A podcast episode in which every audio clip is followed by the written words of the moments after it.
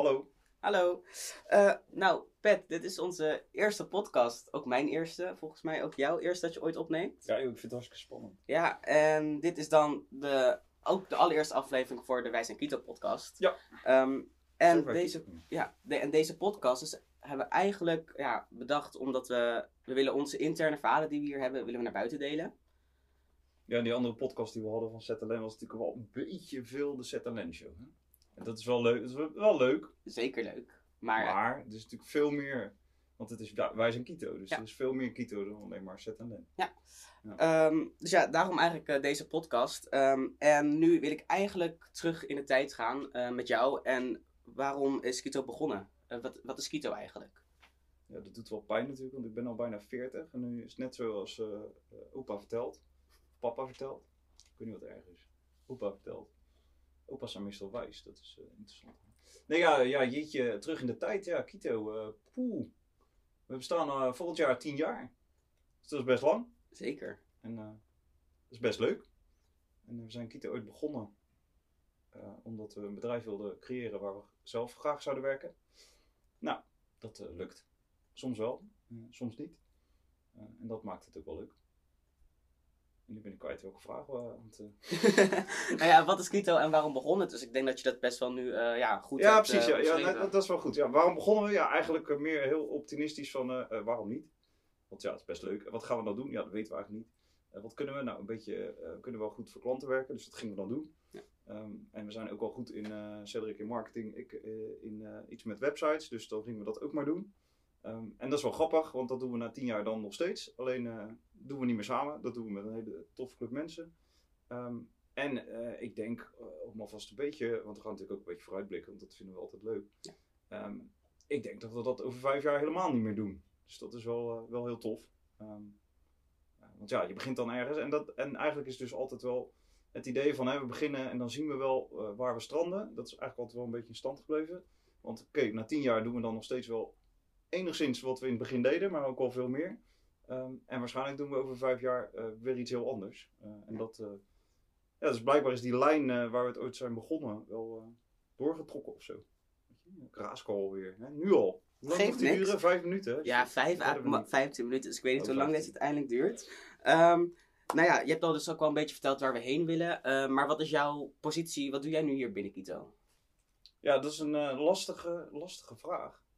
Uh, waar ik zelf al een hele tijd mee worstel. Um, want ja, we zijn natuurlijk ooit uh, Kito begonnen.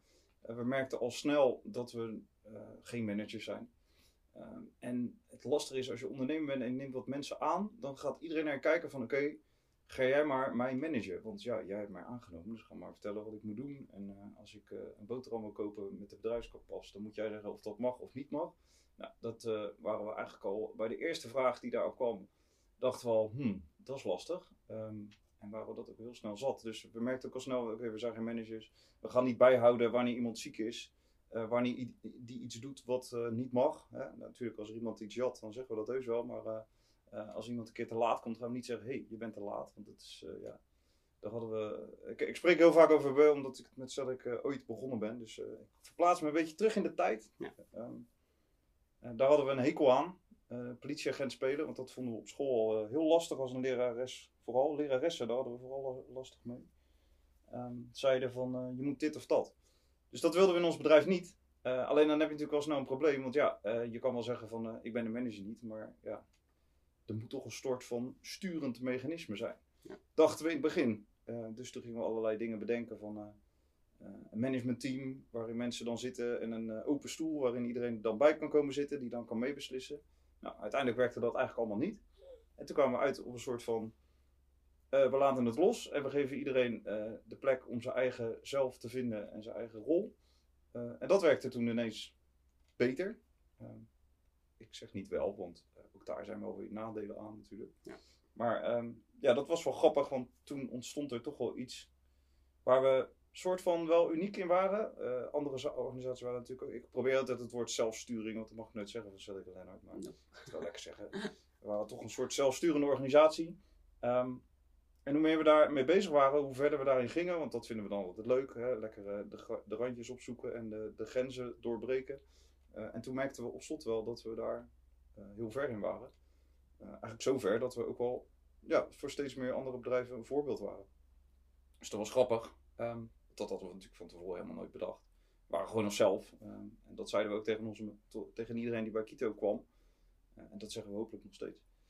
Um, maar ja, dat, dat dus toch tot gevolg dat we toch wel een soort van voorbeeld werden. En niet zozeer in datgene, uh, natuurlijk doen we ook hele mooie dingen voor klanten. En uh, ook daarin staan we regelmatig, of treden we regelmatig mee naar buiten natuurlijk. Maar eigenlijk werd dat, dat, dat zelfsturende toch wel een soort uniek iets waar we, we echt iets mee konden. Um, en dat was heel cool. Alleen, want dat was natuurlijk je vraag, waar is mijn rol binnen Kito? Ja, op slot um, zijn er zoveel mensen om je heen die zoveel mooie dingen doen. En ja, kom je ineens tot de conclusie dat je denkt, hmm, wat doe ik eigenlijk nog? En wat voeg ik eigenlijk nog toe? Want eigenlijk heb ik mezelf een beetje overbodig gemaakt. Ja. uh, en dat is lastig. Um, dat is heel lastig. ik spreek vaak met andere ondernemers en we zijn een hele tijd geleden zijn we in het nieuws gekomen met die post-it sessie. Dat, uh, onze luisteraars, die kennen Kito natuurlijk allemaal. En die weten precies wat ik bedoel. Hè. Toen gingen we elkaar in een soort eilandraad wegstemmen. Omdat het wat minder ging. Uh, zo ging het helemaal niet. Maar uh, goed, zo kwam het dan uiteindelijk in de media naar voren. Um, en ja, dat... Iedereen zei, ja, maar dat is makkelijk. Want dan ben je ondernemer. En dan laat je gewoon je eigen personeel hunzelf ontslaan. Weet je? Ja. Of dan laat je ze dat onderling uitvechten. Nou, ik kon je vertellen, dat was het allermoeilijkste wat ik ooit heb meegemaakt. Dat was gewoon een hele moeilijke, awkward um, uh, sessie. Waarin uh, ja, er heel veel gevraagd werd. Niet alleen van mij, niet alleen van Cedric, maar ook van alle mensen in die kamer die daarbij waren, zeg maar. Um, en ik denk dat dat veel moeilijker is dan dat je zegt: oké, het gaat slecht met het bedrijf, we moeten wat mensen ontslaan. We maken een lijst en ik ga met die mensen zitten en ik ga ze de deur uitwijzen, weet je wel. Um, maar dat wordt, uh, ja, dat, dat, ik denk dat je dat pas kan begrijpen als je uh, het soort zelf meemaakt als ondernemer of zo. Um, uh, maar wat nog lastiger is, dus te ontdekken dat je eigenlijk een soort van overbodig bent. en dat je niet meer kan doen um, wat je vroeger deed, omdat er genoeg mensen zijn die dat net zo goed en vaak zelfs gewoon een stuk beter kunnen als jouzelf. En dan moet je eigenlijk jezelf helemaal opnieuw heruitvinden. Ja. ik denk dat Cedric dat proces al eens een keer meegemaakt heeft toen hij. Uh, hè, ik had het net over dat we als voorbeeld gingen. Um, um, als voorbeeld uh, werden voor andere organisaties op het gebied van zelfsturing. Ja, um, uh, Cedric, ja, die, die zat ergens in de zaal en die merkte dat ineens dacht: hé, hey, fuck dit, ik ga daar, ik ga daar wat mee doen. dat is mijn nieuwe roeping. ja, en ik, ik ben daar nog niet. dus waar ik nu in zit is een soort van ja, wak. Van oké, okay, ik heb een heel mooi bedrijf. Um, waar ik vroeger heel graag zou willen werken, maar nu niet meer. Want ja, uh, wat kan ik eigenlijk nog toevoegen, weet je wel? Wat is mijn nieuwe roeping? En uh, daar ben ik heel hard naar op zoek. Um, en dat komt vanzelf, denk ik. Zolang je maar niet te veel zoekt. Want alles wat je zoekt, ga je niet vinden. Nee. Um, alles wat je op je af laat komen, komt vanzelf op je pad. Dus, dus dat is interessant. Dus wat is mijn rol binnen Kito? Ja, de zichzelf... hoe zeg je dat? De, de ondernemer die zichzelf overbodig gemaakt heeft. Op zich een mooie omschrijving. Ja, zeker. En dat, wat mooier daarin is dat je heel veel vrijheid, nou ja, dan zou je dus heel veel vrijheid uh, uh, moeten uh, voelen, omdat je heel veel minder dingen moet natuurlijk. Dat is helaas nog niet zo, want het, de wereld is natuurlijk niet heel binair. Het is niet van het ene op het andere moment dat je overbodig bent. Dus het is meer een geleidelijk proces. Um, dus ja, dat. Dat is al een lang antwoord op de vraag. Zeker, maar ja, op zich uh, natuurlijk best wel weer nieuwe inzichten. Um, en als we het nou gaan hebben over de nieuwste aanwinst eigenlijk van Kids Academy, ja. uh, waar ik natuurlijk werk, uh, waar ik de branding en de video's voor doe. wat verwacht je daarvoor eigenlijk? Daar ben ik best wel benieuwd naar um, wat je van Academy gaat verwachten. Ja, um, dat vind ik een lastige. wat ik daarvan verwacht, ja we hebben heel vaak gesprekken met, met mensen die Kito dan wat langer kennen. En die zeggen, ja, maar jullie zijn eigenlijk geen... Uh, uh, jullie zijn een marketingbedrijf. Of waar, jullie waren een marketingbedrijf. Nou, dat zijn we al lang niet meer, want we doen natuurlijk veel meer. Kito Academy is daar een mooi voorbeeld van. Uh, maar als je in essentie kijkt, ze, zeggen mensen heel vaak, ja, jullie zijn een soort opleidingsinstituut, weet je wel. Want ja, mensen krijgen zo'n vrije rol, kunnen zo makkelijk verantwoordelijkheid pakken als ze dat willen. Um, en daardoor groeien persoonlijk heel snel. Hè? Dat was ook een van mijn doelen. Waarom ben ik ooit ondernemer geworden? Ja, ik wilde gewoon snel persoonlijk groeien. En dat kan je heel goed als je ondernemer wordt, want dan moet je van allerlei dingen doen die je helemaal niet, uh, vaak niet wil doen of nog nooit gedaan hebt. Maar het moet, want ja, je hebt een bedrijf en je wil het bedrijf een soort van groot maken. Dus dan ga je het maar doen. En dan gaan we leren heel veel. En zit je het uit, uit je comfortzone, om nog maar eens even lekker een clichétje te noemen. Um, dat is heel tof, daar, daar, daar groei je persoonlijk heel erg van. Maar dat is bij Kito, proberen we denk ik ook wel, um, ja, doordat er zoveel vrijheid is, uh, wordt er ook wel verwacht of, of kom je op slot in een positie dat als je, daar, als je bij Kito, als je aan Kito verbonden bent, dat je zelf ook heel veel moet gaan doen. Hè? Dat er heel veel productiviteit ontstaat. Nou, dat is heel mooi. Dus eigenlijk zijn we een soort school, uh, maar dan zonder de verstikkende bureaucratie uh, waarin we in Nederland al onze scholen hebben gestopt. en waarin wat ertoe leidt dat eigenlijk, denk ik, 9 van de 10 studenten zegt: Vind je opleiding nou echt leuk? Mwah, het is dat ik dat papiertje haal, maar uh, hè, daarna gaat het leven echt beginnen. Zonde, doodzonde. Dus dat uh, willen we bij Kito ook wel anders doen. Nou, dat lukt volgens mij aardig. Um, dus we zijn meer een soort opleidingsinstituut. Daar ontstaan dingen uit um, die heel tof zijn. Uh, zeker als je dan met 40 plus man, nou ja, ik weet niet hoeveel we zijn, maar um, er zijn ook heel veel mensen aan ons verbonden. Dus het is ook maar kijkt, het is maar hoe je bekijkt hoe die cirkel is, zeg maar. Maar ja, daar ontstaan dingen uit, weet je wel. En ja, ik ben natuurlijk een van de oprichters van Kito, maar uh, moet ik uh, alles uh, mijn zegen geven? Nee, ik denk dat ik vooral de vrijheid moet geven. Ja. Dus wat heb ik persoonlijk met Kito Academy? Ik vind het een heel tof initiatief. ik ben blij dat het er is. ik steun de gedachte dat er een soort van. Hè, we proberen de kennis die we hebben, um, of de kennis die mensen aan ons verbonden hebben, beter te verspreiden. Ja. vind ik heel mooi, maar verder heb ik ook niet heel veel mee, zeg maar. Nee. Um, um, wat prima is, weet je wel. Dat is ook denk ik het proces van loslaten waar we het net over hadden. Uh, er ontstaan binnen Kito dingen ehm, die ik maar zegen geven, wat prima is, weet je wel. Maar ik hoef natuurlijk niet overal meer um, kaart bij betrokken te zijn, zeg maar. Uh, wat heel mooi is. Maar ook wel weer eens lastig, weet je wel. Want uh, ja, het is toch een soort van je, je kindje, je bedrijf. En die ja. ontwikkelt zich in allerlei, op allerlei manieren waarop je zelf helemaal geen invloed meer hebt. Ja. Dat. Vind je het lastig om dat uh, los te laten? Ja, of, dat is het lastigste wat er is. Dat is, dat is, dat is zo. Dit is, ja, dat, ik denk dat dat heel erg lijkt op. Uh, ik heb drie kinderen. Ik denk dat dat heel erg daarop lijkt. Weet je wel? Die worden geboren en op het moment dat ze geboren worden, voel je een soort van angst. Oh jee, als er maar niks overkomt. En dat ja. het gevaar is dat je er alles aan probeert te doen om te voorkomen dat er iets met ze gebeurt, weet je wel. Ja. Tuurlijk, ja, je moet ze eten geven en je moet ze veilige opvoeding geven. En uh, tuurlijk, maar in de speeltuin mogen ze ook wel een keer op hun bek gaan, weet je, want daar leren ze van. Ja. Um, dat is ook één groot, de opvoeden is ook één groot proces van loslaten.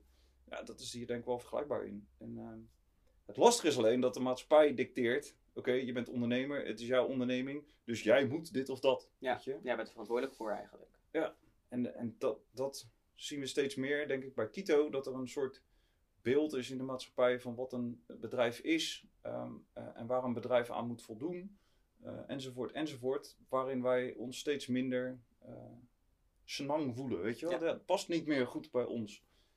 en dat is wel, dat is wel lastig, want ik vind Kito ook helemaal geen bedrijf, weet je wel? Ja, toevallig zijn we een bedrijf en hebben we mensen in dienst die we een salaris betalen en dus moeten we omzet maken om die salaris te kunnen betalen, bla bla bla. Helaas moeten we daardoor ook uh, steeds meer groeien. Want ja, als je groeit, doe je het goed als bedrijf. Hè? En de groeien bedoel ik dan. Uh, heel veel mensen zeggen, ja, maar je kan op verschillende manieren groeien. Ja, bullshit. Weet je, als je een bedrijf bent, dan dicteert de maatschappij dat je moet groeien in omzet. En helaas is bij Kito ook gewoon het hele spel. Wie de meeste omzet en wie het meeste groeit en wie het financieel het beste doet, die wint. Om het zo maar te zeggen. Weet je wel? Zolang we in de maatschappij geen andere manier van bedrijven oordelen hebben, Um, en alleen maar kijken naar dat winst en dat financiële. Ja, is het heel, eh, schuren wij enorm tegen die, die, die samenleving, tegen die maatschappij. Want ja, uh, wij hebben denk ik, uh, proberen een heel ander doel na te streven. Positieve mensen, of positieve invloed, mooie mensenbeweging. Dat is gewoon fucking lastig, want het gaat uiteindelijk altijd weer om dat geld, weet je wel. en dat vind ik wel eens jammer.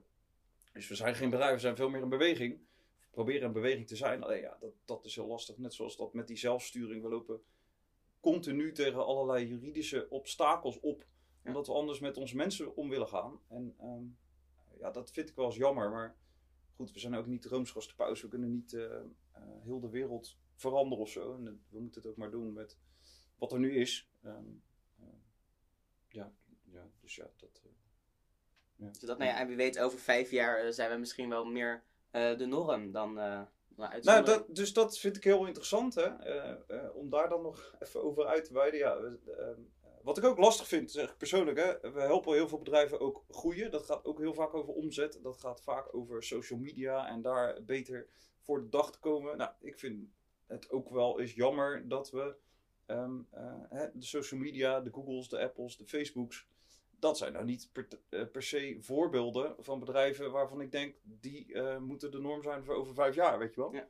Ehm, eh, dat doet me echt wel pijn als je ziet hoeveel macht die krijgen, wat die kunnen eh, kapot maken, wat ze, wat ze kapot gemaakt hebben in de afgelopen tijd en wat heel veel mensen helemaal nog niet zien. Dus het stoort mij ook wel eens dat we, ja, ons businessmodel is ook wel voor een groot deel nog daarop gebaseerd, weet je wel. We hebben, we hebben dat ook wel nodig om te blijven voortbestaan. Dat zou ik wel jammer vinden. Dus als het aan mij zou liggen, zouden we vijf jaar, over vijf jaar ehm, eh, hele andere dingen doen. Ja. Maar zoals ik al aan het begin zei, ehm Kito is veel groter als eh, alleen mij. Dan alleen mij. Ik zeg altijd als en dan verkeerd. Ehm, dus eh, niemand weet het, weet je. We weten niet waar we over vijf jaar zijn. Misschien is dat ook wel het mooiste. Alleen we kunnen natuurlijk wel het goede voorbeeld geven. Ik hoop dat we meer de norm worden.